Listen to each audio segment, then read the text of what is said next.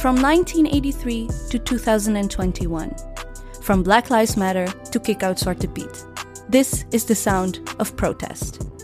I am Mariam El Maslouhi, and with me we'll be exploring the sound of protest in the Netherlands. I am a podcast maker mostly known for co hosting and co founding the Dipsaus podcast, a podcast by and for women of color. And since I was 18 years old, I've been writing and organizing for change and equality. And in this collaboration with WORM Rotterdam, I am making this series. In these three episodes, I'll be exploring the sound of protest in the Netherlands. What is its sound? How did it develop? And where are we now? From my perspective, born and raised in the Netherlands, Muslim, and proud African.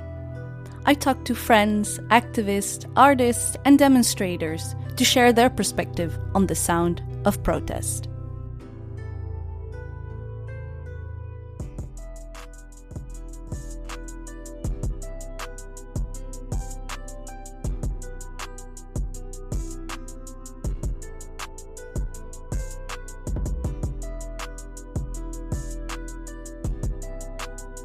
Welcome, listeners, to this last episode of The Sound of Protest.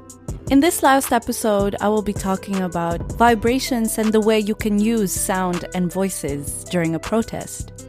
And I will end this episode with intersectionality and with two people who have changed, who have changed the sound of protest here in the Netherlands.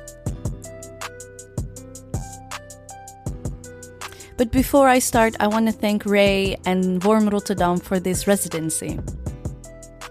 A month ago, I wrote out scripts about the first episode, the second, and the third, and made it into a very and tried to make a cohesive story. From all those scripts, I think four sentences made it to the final cut. When I was making the first episode, I saw that there was a demonstration on Saturday. So I thought it was important to wait until that protest happened and see what I would hear, what I would feel, and what I would experience. And as I uploaded the second episode, someone shared one of the episodes with enthusiasm.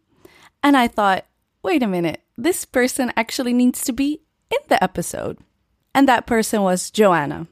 Joana Cavaco is an activist, a community organizer from Rotterdam, with her roots in Portugal. I met Joana for the first time in the summer of 2020 during the Black Lives Matter demonstrations in the Netherlands. And she has a familiar face, but we never really talked until she was invited on the Spectrum podcast, a podcast about the queer experience in the Netherlands, hosted by Rias van Wegberg. I will put that episode in the show notes. Riaz and Joana talked about activism and how we can instrumentalize activism. Joana is a singer who studied music, so sound is very important to her. When I asked her to talk about the sound of protest, I did not know that yet. Joanna talks about the different ways you can use sound. You can use sound to get people enthusiastic, but you can also use sound to calm a crowd and to affirm. I was thinking a lot about this last night um, the concept of sound and how, when you plan a protest, sound is also really important. Um, personally, I like to use chants to rile people up, you know.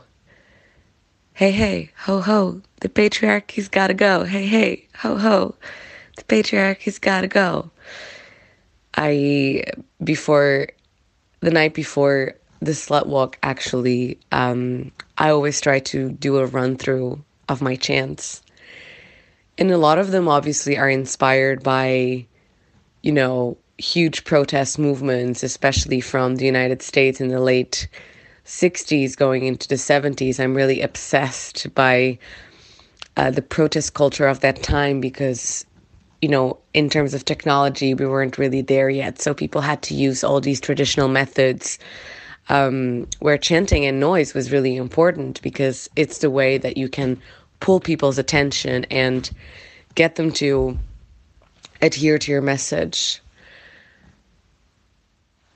But after Black Lives Matter, which I feel like every single community organizer, activist has um, before and after moment. You know, I think everybody has these key protests in their lives that everything changed you know not because of the cause or anything because sometimes as an organizer you don't get to enjoy it you know if you ask me um for example uh of the Black Lives Matter Rotterdam, if I remember even the lineup, I don't because I was working.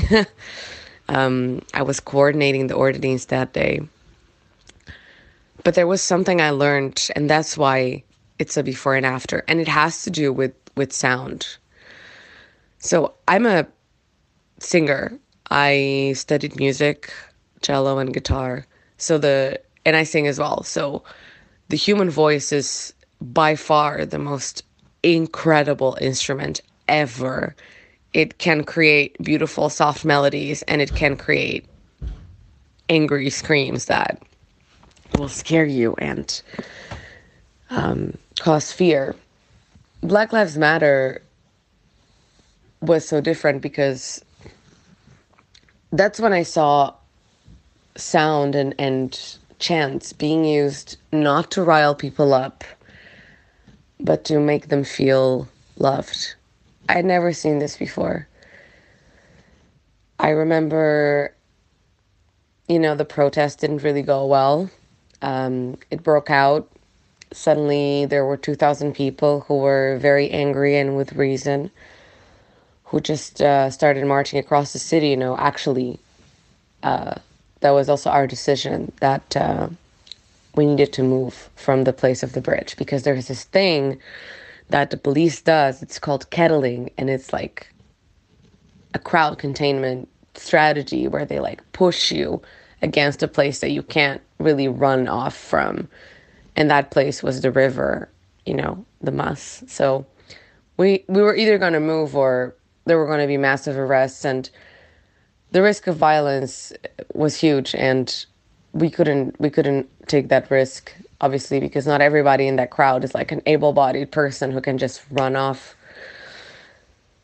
so naomi was also there um, we didn't know each other at the time joana mentions naomi and naomi peters is a black queer activist and part of the black queer and trans resistance netherlands and kick out zwarte piet we got a group of like 150 to 100 people to the central station, but people were still mad. People were pissed. With reason. Again, uh, Aboutaleb, the mayor, canceled, canceled the protest prematurely, and people, you know, it wasn't there yet in terms of uh, mood. So I saw Naomi pick the the megaphone and start saying things like, I am beautiful and the whole crowd would say it back like i am beautiful and then i am proud i am proud and i am here i am here and i saw her do these affirmations you know and i saw i, I swear i saw an, a, mob of not a mob you know they were protesters but obviously you know their mass amount of people suddenly transition to this completely different state of mind, you know? Completely. There were people crying. I was looking around um, because obviously Naomi was also doing chants that were specifically for, for black people who were present. So I was looking around and seeing how people were reacting. People were crying. People were hugging each other. People were holding hands and they were saying all these beautiful things to themselves and I guess, you know, she could have chanted something to get people going or rile them up, but no. The, the the right thing to do was really to make people feel good and make people feel like what just happened, this whole mess of the protests, of the, the, the illegal march whatever, that it was okay and that they were going to be okay. And I think that not a lot of people can do that. And for me at that moment, it was like, wait, so this can also be used to to make people feel good. And then we start, you know, I started questioning what is a protest space? You know, of course it's a space for anger and frustration and demanding things that are not being met. Like I'm Portuguese, so I come from a protest culture that is really out there because things don't work back home. So taking it to the streets is the only way you can get attention. In the Netherlands is different. People are a bit more reluctant to to scream and to be passionate and be emotional. Obviously, it's a different culture. But maybe the way to get them there is not to, you know, rile them up and play on their anger, is to play on on their self-love and create a space where there is space for indignation and great pain, but also great love and radical tenderness. And people don't have to leave a protest feeling angry. They can leave feeling empowered and happy. And that's basically, you know, when I'm doing a lineup for a protest and putting speakers together, that's sort of what we do. We make sure that we end up in a tone that,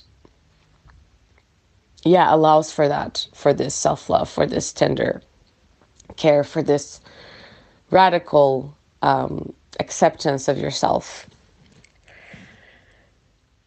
I think that's the only way you can actually get people to do is to do this is if they also contribute to the sound of the protest to the to the vibration of it the only way you can truly check if people are feeling good is if you say things to them and you see how they respond yeah i think all disenfranchised peoples whether it be you know, black of color, indigenous, they always have led the movement in every single way. Think about it.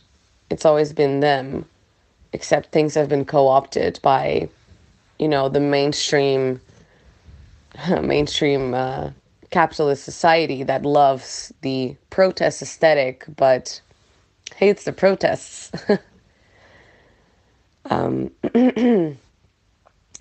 so yeah, I'm I hope you know, I I now I think when we organize protests, sound is a major component, not just in terms of music, what you're going to play, but what are you going to say? What are you going to chant with the people?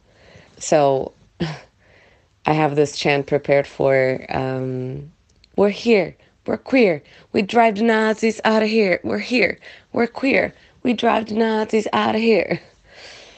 So I guess we'll just keep chanting and uh, hopefully that will only that won't just you know help us with the cause it will make us feel good and powerful. Yeah. Joana is talking about the demonstration on the 22nd of May. So by the time this episode is out, that will be tomorrow. I'll put a link in the show notes for this demonstration. This demonstration is against the hatred against the LGBTQIA community.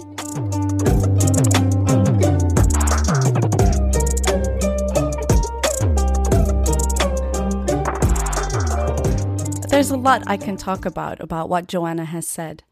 But I think about the many times at a protest there wasn't only anger, but also sadness. There is a power in the diversity of the sound of protest. There's a power in when we march, but there's a power also when we do small actions. And Nancy Jouwe will talk more about small actions, but also about intersectionality. Nancy Jouwe is a researcher and lecturer and daughter of a West Papuan resistance fighter. Everything I actually know about the West Papuan resistance movement, I know from Nancy. After very little contact with the Western world, it was formally colonized by the Netherlands in 1998. The islands that now make up Indonesia were also colonized by the Dutch, but when the Republic of Indonesia became an independent nation state in 1949, West Papua did not join the country. By 1969, there was a widespread resistance to Indonesian rule, and that resistance exists till this day. And now, if you are a loyal Dipsaus listener, you know that Nancy Jouwe has been a frequent guest to the podcast. She does an amazing job with linking different resistant movements. She teaches us the importance of information and being informed. that there is no resistance and that there is no protest without actually knowing what it is about. When I think of gatherings, demonstrations, uh, and the like uh, that I've attended, um, there's many, many different sounds and songs and slogans that actually come to mind because um, because of the many different um, issues that I connect to, I guess.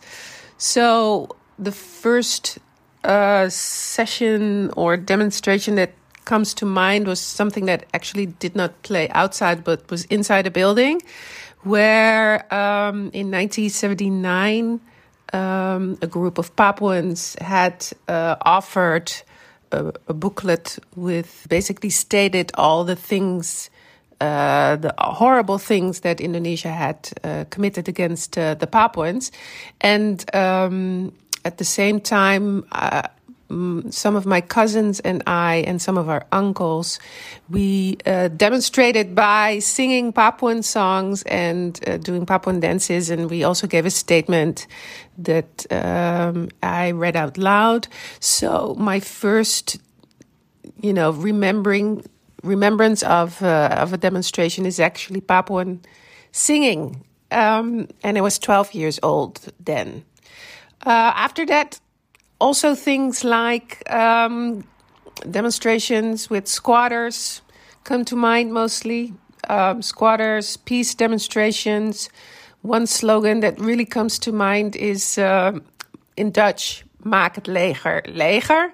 So uh, basically, if you would translate it to current day um, um, quotations, it would mean um, defund the police or defund the army. Um, and um, I remember those demonstrations of being very, um, um, you know, everyone being in very good spirits and being uh, feeling really adamant about uh, wanting to change the world.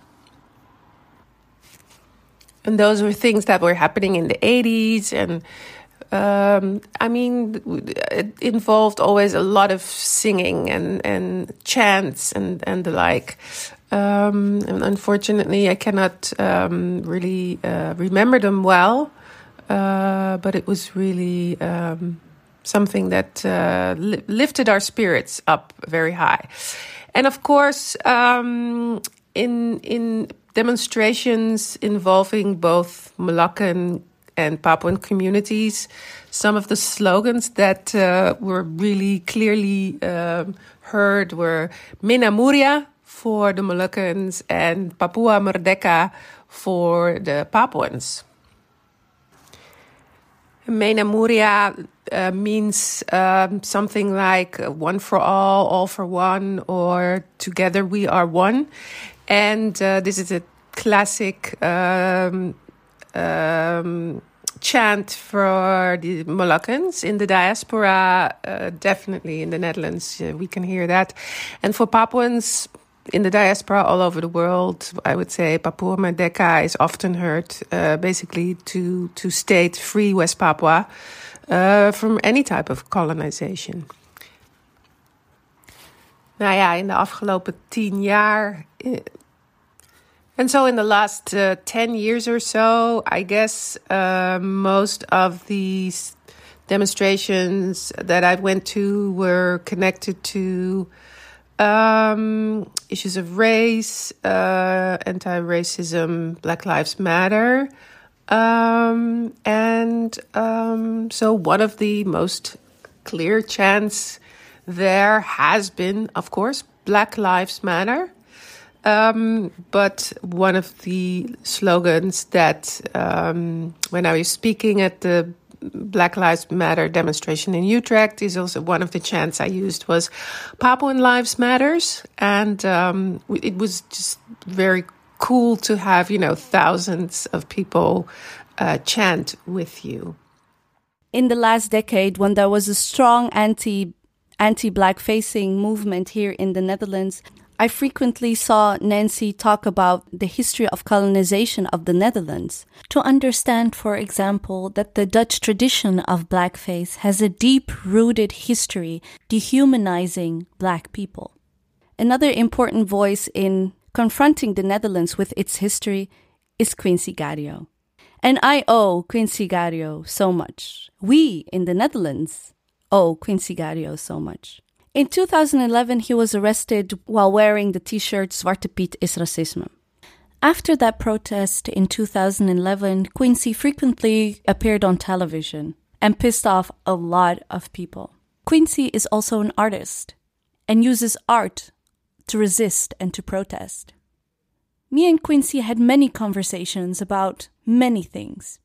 But I realized as I asked him the question about the sound of protest, I realized that I've never been to a protest with him because it's unsafe for him. I wanted to know what echoes through his mind, and I wanted to know what inspires him.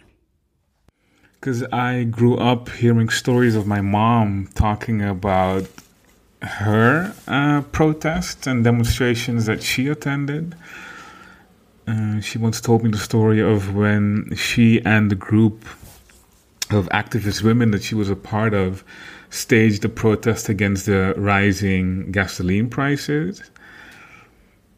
And so that's always been in the back of my mind this image of my mom holding a, a placard, holding a demonstration board, and cars honking at her. Um, she always she always tells the story with, with a smile and a bit of a laugh. Um, and so I think that has been something that's always stayed with me. And and the story of the uprising on Curacao on the 30th of May 1969 when people were shouting um, respect and recognition um, as one of the slogans against uh, against oppression that was happening, against the, the you know, this labor strike that became something much, much more.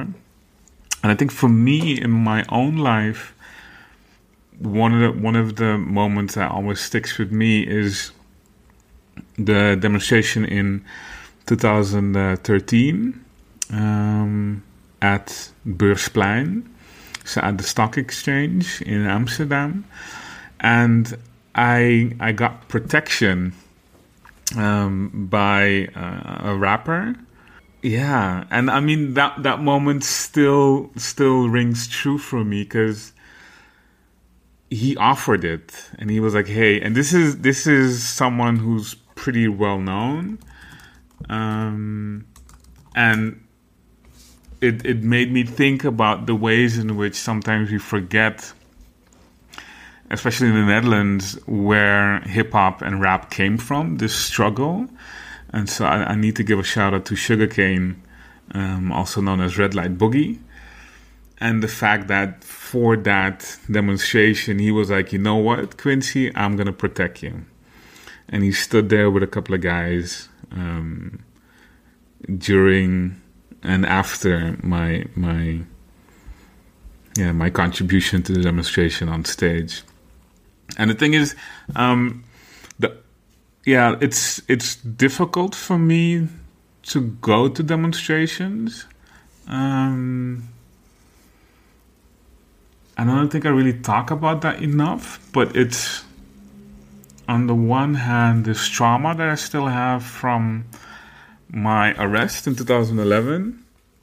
I mean, even even for this um, invitation, it, it took me a while um, to make it. Um, Mariam's been behind me to like, yeah, send it, send it. You need to be part of it too.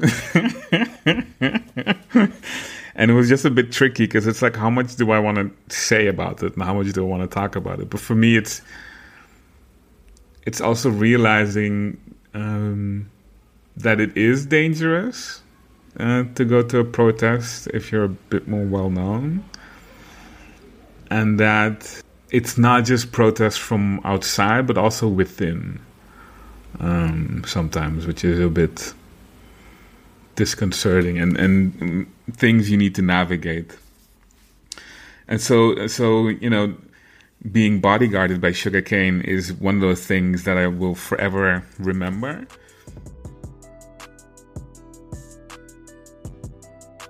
Being able to protest as a privilege.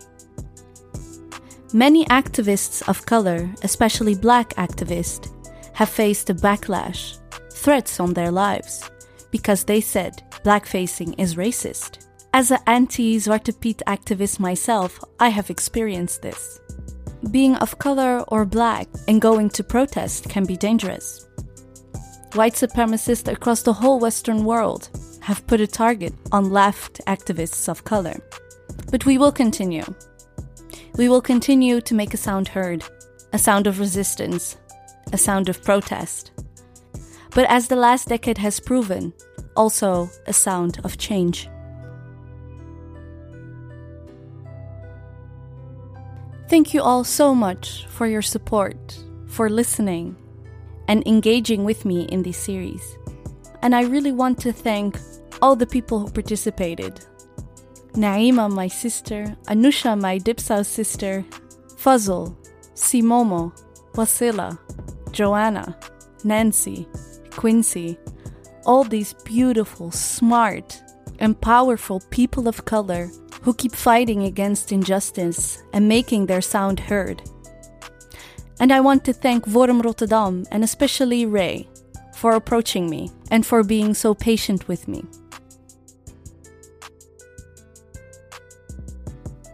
This podcast came from my heart.